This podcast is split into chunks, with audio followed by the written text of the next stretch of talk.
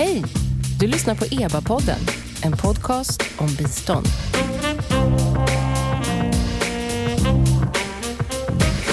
Hej och välkomna till EBA-podden. Jag heter Noomi Östlund och den här podcasten ges ut av Expertgruppen för biståndsanalys, EBA. Ni som lyssnar på podden vet att Sveriges bistånd styrs av en ny så kallad reformagenda. I agendan som heter Bistånd för en ny era, frihet, egenmakt och hållbar tillväxt så slår regeringen fast prioriteringarna för det svenska biståndet. Och den första tematiska prioriteringen har rubriken Fattigdomsbekämpning genom jobbskapande, handel och utbildning. I det avsnittet lyfter regeringen fram sysselsättning, jobbskapande och försörjningsmöjligheter som centrala delar i den svenska utvecklingspolitiken framöver. Så idag tänkte vi att vi ska prata om jobbskapande och sysselsättning i biståndet. Vi ska försöka reda ut om det här är nya målsättningar för svenskt bistånd. Vad görs idag och vad är utmaningarna med att skapa jobb och sysselsättning i våra partnerländer? Med mig i studion har jag Sveriges expert på sysselsättning och jobbskapande i biståndet. Välkommen Elisabeth Montgomery. Nej, men tack så mycket. Du är alltså ämnesföreträdare på Sida för området sysselsättning. Mm. så heter det? Sysselsättning och marknadsutveckling, de hänger ju ihop. Sysselsättning mm. och marknadsutveckling. Vad, om man bara får börja där, man är mm. lite nyfiken. Alltså rollen som mm. ämnesföreträdare, mm. eh, vad, vad är det? Nej, men då företräder man Sida som, och Sveriges bistånd som eh, sakkunnig expert. Man företräder ju Sida gentemot andra organisationer såklart, men man jobbar också mycket internt. Det är en stor organisation, jobbar med metodutveckling, kunskapsspridning, kompetensutveckling och med målet helt enkelt att göra biståndet lite bättre då. Inom just det här området. Inom just det här området. Mm. Hur, hur många ämnesföreträdare finns det för olika teman? Alltså är det, är mm. det, är det du och... Hur många är just Ämnesföreträdare på den här tematiska enheten där vi då har experter som företräder Sida på det här sättet så är vi ungefär det ändras ju lite hela tiden, men 22, 23, 24, 25 kanske. Ja. Mm. Inom och, olika områden. Då. Inom, och då mm. är det så att så när man ska prata om hur gör vi sysselsättning och marknadsskapande, då kommer folk vända sig till dig internt? Ja. ja. Så där, därför är du här i podden, helt enkelt. Mm. Och vad, hur, man blir nyfiken, då, hur blir man eh, ämnes, ämnesföreträdare? Vad har man för bakgrund då? Vad, Nej, men har jobbat länge med, med biståndsfrågor. Eh, I mitt fall så, så har jag även jobbat med liknande frågor, liksom ekonomisk utveckling, sysselsättning eh, i Sverige och även med privatsektorutveckling. Det är ju väldigt nära relaterat. Så egentligen började jag jobba med det i Sverige, främjande av, av de frågorna här. Och sen så eh, började jag jobba på ILO ILO som är FNs um, expertorgan för just sysselsättning och anständiga arbetsvillkor. Och uh, sen har jag jobbat på Sida sedan 2014. Så lång erfarenhet på Sida men också ja. kryddat med mycket annat för att bli ämnesföreträdare. Mm. Alla ni som suktar efter jobbet som ämnesföreträdare i biståndet, eh, där har ni lite yrkesvägledning. Men om vi, om vi eh, på tal om jobbskapande, mm, men om vi dyker ner lite i, i det här ämnet. Eh, när man läser regeringens reformagenda så pratas det om jobbskapande, sysselsättning, lokala arbetstillfällen, förbättrade försörjningsmöjligheter, egenförsörjning. Jag bara rabblar på här. Ökad anställningsbarhet. Alltså det är väldigt många begrepp ehm, som för någon som jag till exempel, som inte är jätteinsatt, låter som samma sak. Man, mm. man skapar jobb åt folk. Mm. Men är det en, en verksamhet alltihop? Eh, det är ju många olika aspekter av av det vi kallar sysselsättning. Jag vet inte, sysselsättning kan väl vara bra samlingsord för alla de där olika sakerna som du sa. Men som sagt, det är olika aspekter som vi behöver beakta och vi adresserar ju olika saker då inom biståndet. Vi jobbar ju inte med samma sak liksom överallt. Um, du, nu sa du till exempel jobbskapande. Det är ju rätt och slätt att skapa ett jobb, ett, eller ett försörjningstillfälle, arbetstillfälle. Det är ungefär samma sak. Um, och det är ju jätteviktigt. Vi behöver skapa många, många nya jobb. Men det, det vill jag poängtera, det är ju inte tillräckligt då för fattigdomsminskning.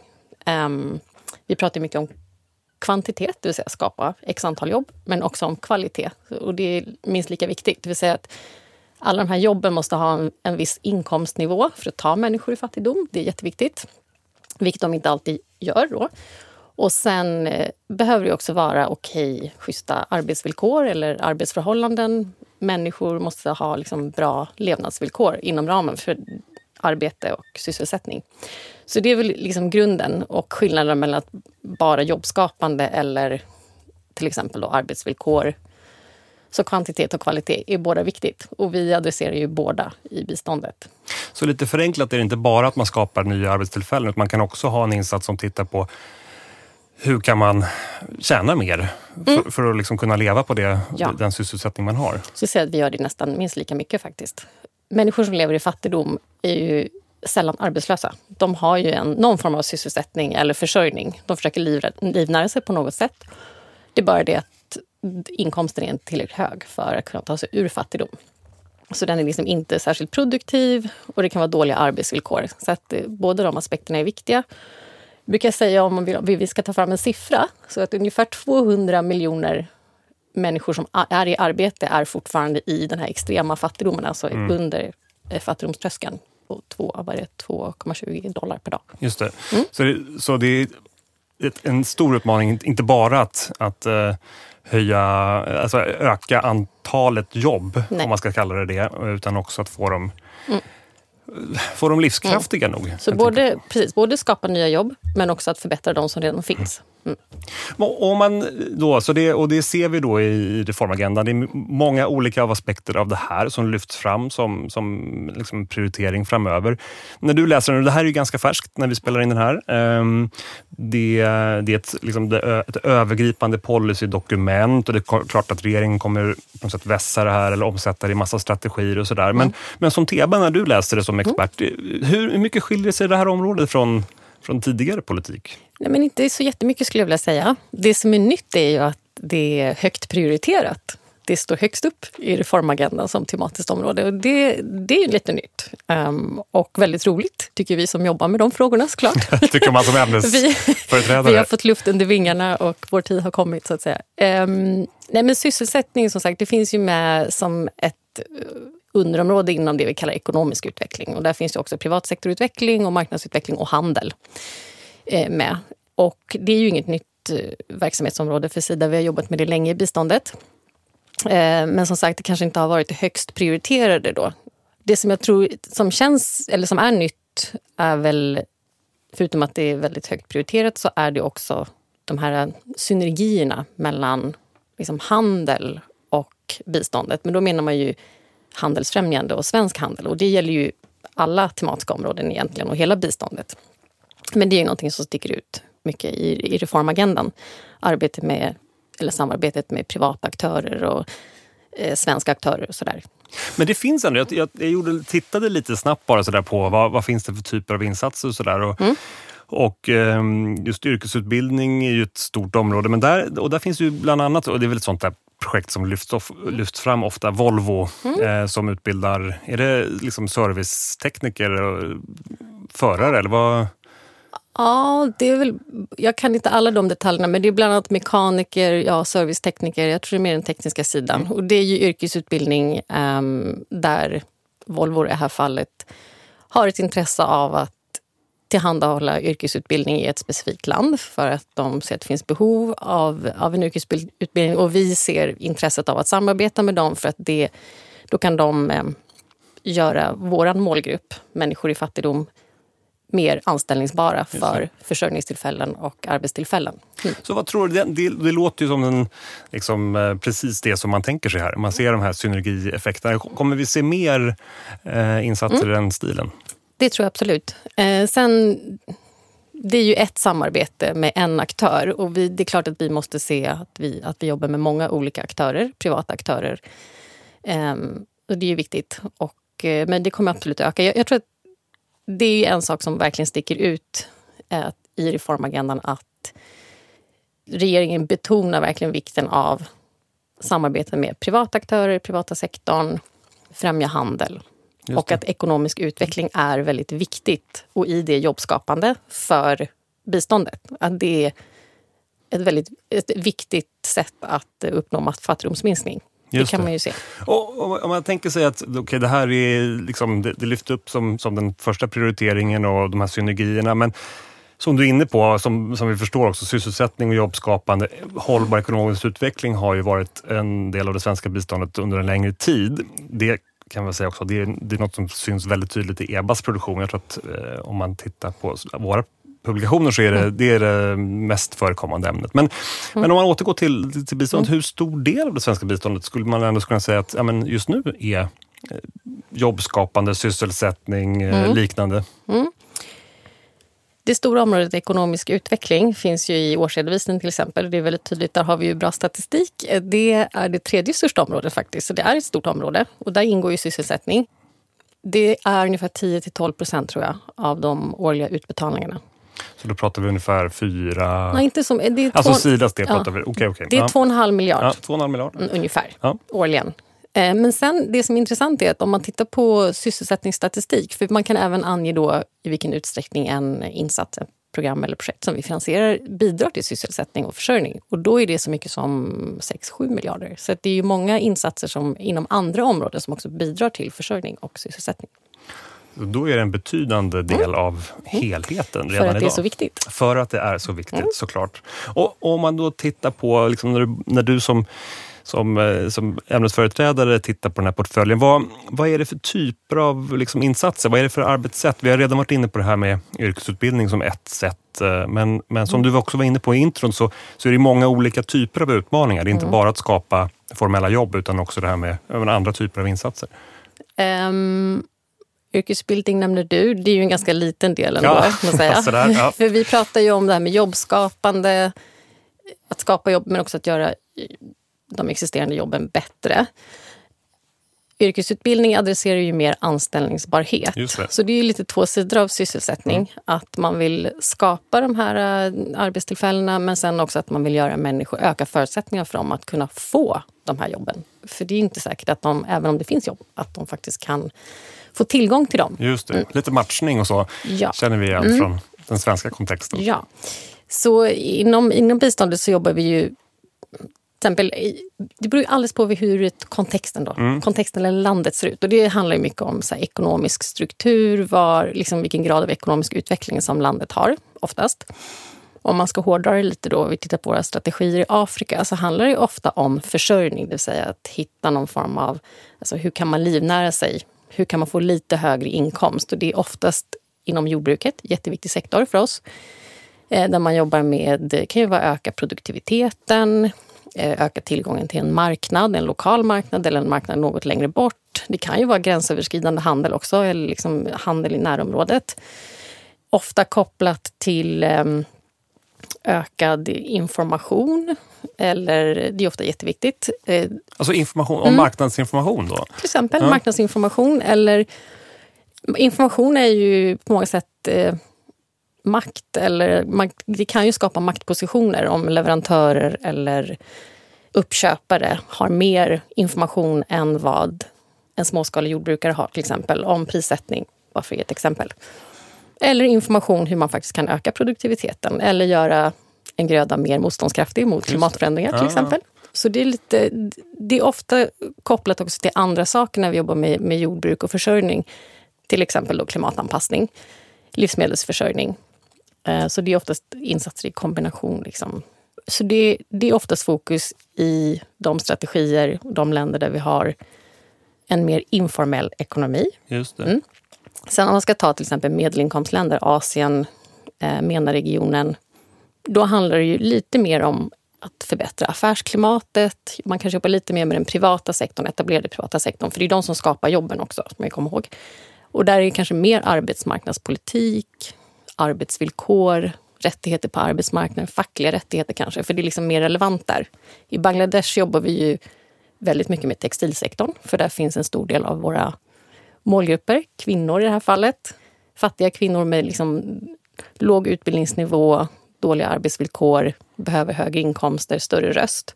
Samtidigt som man också kan jobba med fabriksägare kring miljöfrågor. För det är också, det, textilsektorn är, liksom en, sektorn är en viktig arbetsgivare, men det är också en miljöförstörare. Och de behöver också anpassa sig till EU-lagstiftning för export och sådär. Just det, det är ju spännande. Mm. Där tänker man, där, när vi var inne på det förut, det här med synergier. Alltså Där är ju också många svenska aktörer som, som Mm. Ja. Mm. har intressen. Så det kan man väl tänka sig att det kommer att vara ett område som får ytterligare Ja. fokus framöver. Bangladesh är ett bra exempel där vi har jobbat mycket med svenska privata aktörer. Men om man ser se på helheten, alltså det är mm. väldigt kontextberoende. Man förstår ju att det är en väldigt bred eh, flora här, eller liksom bred mm. kyrka. Många olika typer av, av insatser. Eh, och det är, inte bara, det är inte bara fokus på att här, i den här kontexten hur många kan få ett nytt en ny anställning utan kanske snarare, snarare det här med mm. sysselsättning och försörjningsmöjligheter. Ganska ofta formell eh, sektor. Men rent praktiskt, alltså, det låter bli lite eh, teoretiskt, man ska säga, mm. arbets, arbetsmarknadsfrågor och eh, privatsektorstöd. Hur kan en sån här insats se ut i, i praktiken? Mm. Hur gör man? Hur gör man? Um, det beror ju alldeles på hur insatsen, ja. nej, men, nej, men hur insatsen är utformad. Vad handlar insatsen om? Vi har varit inne på lite olika typer av insatser. Um, jag jobbade i Rwanda för några år sedan och då, då ansvarade jag för, för liksom sysselsättningsportföljen, då, som vi mm. kallar den. Det vill säga en, en, eh, eh, några, några olika programprojekt som vi finansierade. Och då hade vi ett stort sysselsättningsstöd till den rwandiska staten. Och det handlade just om om att främja sysselsättning på olika sätt. Och det var både arbetsmarknadspolitik, det vill säga att hur ska man som stat, liksom, vilka åtgärder behöver man ta för att främja sysselsättning? Och där var det mycket att främja småföretagsutveckling um, och såna här startup-bidrag och startup affärsrådgivning tillsammans med yrkesutbildning faktiskt. Så att man först kunde yrkesutbilda sig inom ett, liksom, något område. Ofta ganska praktiskt. Liksom. Så här, hårfrisör, hantverkare, snickare, mm. eh, vägarbetare, ja, vad det nu kan vara, mekaniker var vi inne på också. Och sen efter det antingen få en anställning och då hur kan man matcha den privata sektorn och deras behov av arbetskraft och de som då har yrkesutbildat sig. Men också för många att faktiskt, om det är i de här länderna, att skapa sin egen försörjning. Ofta genom att bli egen liksom, företagare och småskalig näringsidkare. det är väldigt vanligt. Och i det kan man ju också då jobba som kopplar på finansiella tjänster. Eh, det är ju en stor sak i våra länder. Mm. Alltså bristen på finansiella tjänster som passar för, eller som de här människor som lever i fattigdom har tillgång till bankkonto till exempel. För att kunna se transaktioner, för i sin tur då kunna säga att jo, men jag har en omsättning och jag kan ta ett lån. Just det. Mm. Men är det också tillgång till kapital? Jag tänker att du pratar om startup-stöd och så. Alltså man, mm. man utbildar folk inom, inom ett, ett hantverk mm. eller en liksom kunskap och mm. sen eh, hjälpa till med finansiering. Ja, det kan ju vara startup-bidrag i sin enklaste form, men det kan ju också vara lån sen när de är kreditvärdiga och kan ta lån. Just det, skala upp mm. lite. Mm. Mm. Så det är liksom både att jobba med själva att skapa jobb, men och i det så jobbar man mycket med privatsektorutveckling. Så det är några, några exempel på um, insatser och interventioner som vi gör. Mm. Men det blir ganska mycket, och det förstår man ju, som, som vi inledde med, eller som jag inledde med min ignorans, mm. säga, men liksom jobbskapande, var, det, är inte liksom, det är lite Arbetsförmedlingen, men man mm. förstår att det blir väldigt mycket mer ett system, mm. systemarbete. Att säga, finns, det en, finns det en privat sektor, vad behöver de för att kunna liksom, växa Precis. och sen anställa folk och vad behöver Eh, det kanske snarare säger mer om min okunskap om mm. vad Arbetsförmedlingen gör. Men, jag tänker mm. jag kunde lägga till där också att det som i ett sånt här nationellt sysselsättningsstöd, det som man också, ett syfte är ju att bygga kapacitet hos institutionerna som faktiskt ändå genomför det här. Vi tillhandahåller ju bara pengar, finansiering, viss mån rådgivning och sen är det ju upp till, i det här fallet var det departement och myndigheter som skulle genomföra det här. Och då bygger man ju kapacitet hos dem också. Hur ska de främja sysselsättning i sitt land? Så det är en aspekt. Sen hade vi kompletterande stöd, för återigen, det handlar inte bara om att skapa jobb utan även om arbetsvillkor. Och eh, vi jobbade med ehm, där jobb, valde vi att jobba med ILO istället, som då är FNs expertorgan för sysselsättning och anständiga arbetsvillkor. Att, jag tror vi ser, eh, riktade in oss på byggbranschen där, eh, för där fanns det väldigt många lågutbildade tror jag, kvinnor som var dagavlönade på så här, byggarbetsplatser och hade väldigt dåliga både villkor, skyddsutrustning. Det var miljöfarliga liksom, ämnen, byggmaterial som var både hälsofarliga och dåliga för miljön. Och då liksom, riktade vi in oss på det också. Så att man, kan, man måste även i många länder jobba med rättigheter på arbetsmarknaden och röst på arbetsmarknaden för att ge de här människorna bättre villkor och liksom värdiga levnadsvillkor. Just det. Jag vet när vi pratade inför det här samtalet eh, så, så nämnde du liksom utmaningen framöver. Att, och att man behöver skapa jobb eller hållbar sysselsättning för 600 miljoner människor eh, de närmaste åren. Alltså när, man, när man hör det, för det blir liksom, ja, man liksom jobbmatcha lite på någon, i en viss kontext. Så där. Det kan bli lite hyfsat konkret, men 600 miljoner nya jobb. Eh, hur tar man sig an en sån utmaning som, som liksom en svensk myndighet, en liten aktör bland många andra? Hur, hur tänker man? Um, ja, att vi är en liten pusselbit i alltihop såklart. Uh, vi kan inte göra allting själva. Um, men som du nämnde, det är ju 600 miljoner jobb. Det är ju vad vi behöver globalt bara för att absorbera hela den, liksom, ny, alla de nya som kommer in på arbetsmarknaden redo för att klara SDG-målen liksom, så innan 2030. Då. Så det är en hisklig siffra, siffra bara i sig. Och sen har vi de här 200 miljonerna som, som behöver liksom bättre villkor och högre inkomster. De här som redan jobbar. Och som, som redan är mm. i extrem fattigdom ja. trots att de ja, trots har att en de sysselsättning. Har, precis. Och sen har vi, och det har vi, jag tror inte vi har nämnt det, va? att vi pratade om informell ekonomi här. Ja. Många som liksom lever i fattigdom är ju i den informella ekonomin.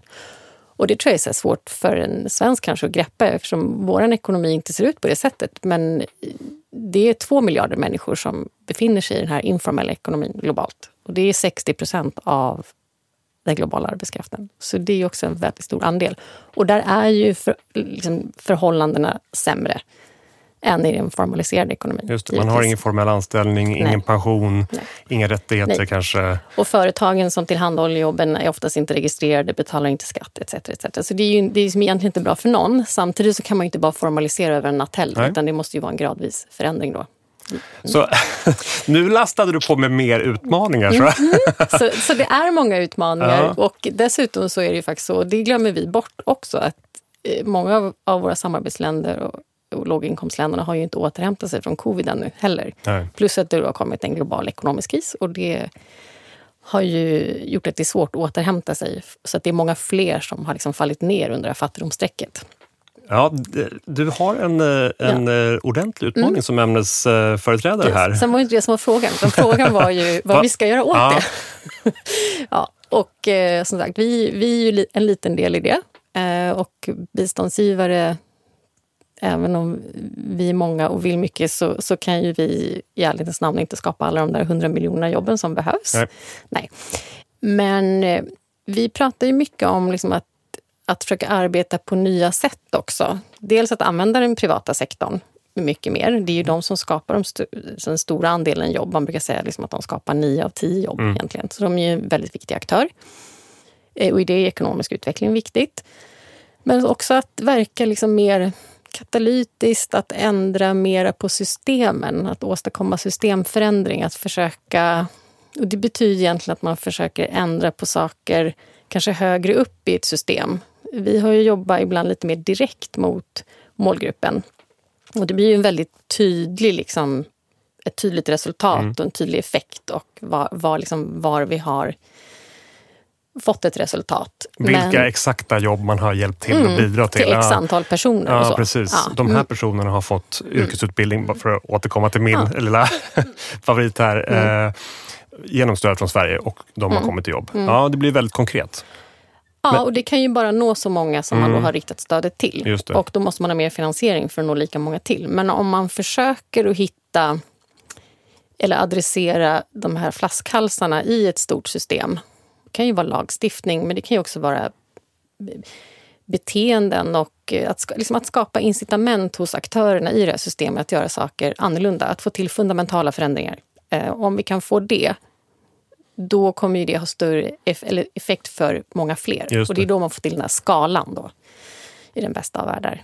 Mm. Men ändå, ändå en rejäl utmaning. Ja. Och en annan sak som vi pratade om, eh, för vi ehm, innan här, det är att liksom, det är inte bara många jobb utan också det måste vara hållbara jobb, gröna jobb, rättvisa jobb. Så det är inte bara så att att eh, man måste få folk att få en, en sysselsättning som de kan livnära sig på utan att det också inte bidrar till en negativ utveckling. Så mm. EBA till exempel nu har ett, ett pågående projekt om eh, utsläppsminskning mm. och, och, där ser man ju väldigt tydligt att ökad ekonomisk utveckling leder till mer utsläpp.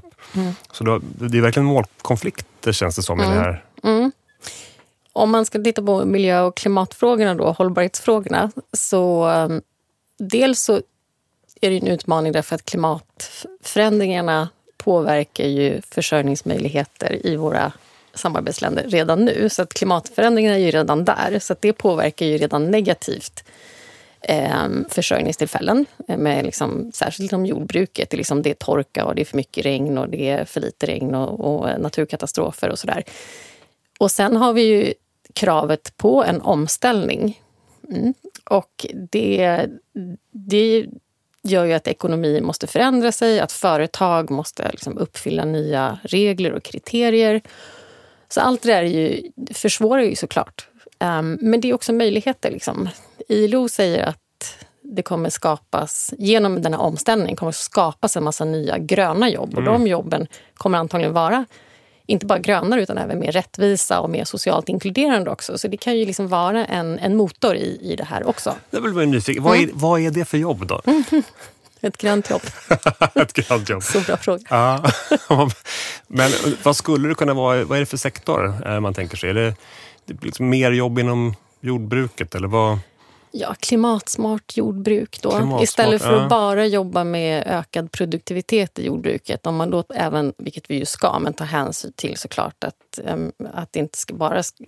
Det ska inte ha negativ påverkan, Nej. men att det också kanske kan ha en, en ökad positiv ja, effekt. Att man kanske ökar klimatanpassningen genom mer motståndskraftiga grödor till exempel. Eller något nytt bevattningssystem eller försöker främja så att småskaliga jordbrukare i större utsträckning. Det vet jag vi har gjort i Bolivia, att de, att de eh, framställer eller producerar ekologisk eh, quinoa som de sen faktiskt kan exportera till europeisk marknad.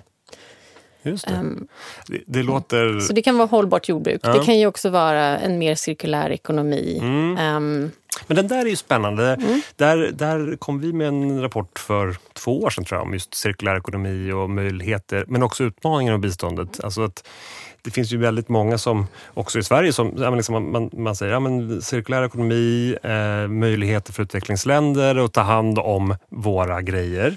Eh, mm. Men där visade den rapporten också på farorna. Alltså mm. Att man skapar sysselsättning, att man kan ta hand om våra teknikapparater och liknande men att risken där fanns ju för alltså miljöfaror, hälsorisker, mm. man, man liksom bränner gamla kablar på soptippar och liknande. Mm. Så att det är inte... Nej, återigen... Jag skulle nog inte säga att det där kanske är företrädesvis det vi, det vi tänker att vi ska jobba med eller gör nu. Eh, utan jag tänker mer att om vi ska jobba, välja ut en värdekedja. Och det här är någonting jag tror vi måste bli bättre på. Då, att att väl, mer strategiskt välja sektorer då som är både eh, produktiva, kan skapa de här bra jobben liksom med bra inkomstnivåer och schyssta arbetsvillkor men också som främjar kan främja, antingen är gröna i sig, jag menar det bästa exempel är väl då förnybar energi, mm. så, men det kan ju också vara sektorer kommer ju behöva förändras, liksom avfallshantering kommer behöva bli bättre, industrier kommer ju behöva släppa ut mindre och sådär. Och att, att i det ska man, man ska hjälp, främja en ekonomisk utveckling som förbättrar det där och att då skapa jobb i det. Och att välja de sektorer där man ser och kan kombinera både sysselsättning och eh, positiva effekter liksom, när det gäller miljö och klimat. Men om du, liksom, om man tänker sig en liten framtidsspaning mm. här som avslutning. Vi har eh, vadå, fem, sex år att skapa de här 600, mm. miljoner, 600 miljoner nya jobben. Hur många kommer ha en hållbar sysselsättning av de här 600? Hur många, hur många kommer ni ha lyckats bidra till? Oj. Vad kan du utlova? Nej, men, vad, men vad, hur, vad tror du? Vad är, vad är möjligheterna och utmaningarna? Nej, men det är nog att eh, dels att identifiera de sektorer vi ska vara i um, som har potentialen då. Att, att bli, antingen vara gröna redan i sig själv eller att kunna bli det. Um, för vi vill ju maximera antalet jobb då och bra jobb och samtidigt som vi minskar utsläppen mm. förhoppningsvis. Eller har liksom inte lika stor miljöpåverkan. Nej. Eller inte... Nej, I de här länderna handlar det väl egentligen om att hålla miljöpåverkan mer eller mindre åtminstone på där den är. För den är ju väldigt liten i många partnerländer. De har ju ett väldigt mycket mindre avtryck. Det. det. är nästan obefintligt om man jämför med, med vårt avtryck. Mm. Så, och det är, ju en, det är ju en fråga i sig hur mycket vi ska kräva av de här länderna som, som har en ganska låg ekonomisk utveckling. De behöver en bättre ekonomisk utveckling. De, de behöver liksom, um, ta sig ur fattigdom. Och ska vi fokusera på det eller ska vi fokusera på att det ska vara uh, hållbart? Uh, men jag tror ju också att man måste ändå kombinera de två. För i slutändan så kommer de ju behöva ställa om relativt hoppfullt, eh, tänker jag. Och med de hoppfulla orden så avslutar vi dagens mm. samtal. Tack så mycket Elisabeth Montgomery. Tack så mycket. Ämnesföreträdare alltså för sysselsättning och marknadsutveckling på Sida. Och på EBAs hemsida finns ett helt gäng med rapporter som handlar om de här frågorna. Bland annat en utvärdering av svenskt bistånd till Bosnien där just jobbskapande och ekonomisk utveckling var en viktig del. Eh, det finns eh, också en väldigt spännande underlagsrapport som handlar om jobbskapande och meningsfull sysselsättning för internflyktingar. Och sen kan jag också flagga för att EBA nyligen har startat en stor utvärdering av svenskt bistånd till sysselsättning i Afrika. Så det är något vi kommer att återkomma till i en framtida podd. Jag heter Noomi Östlund och tack för att ni har lyssnat på EBA-podden.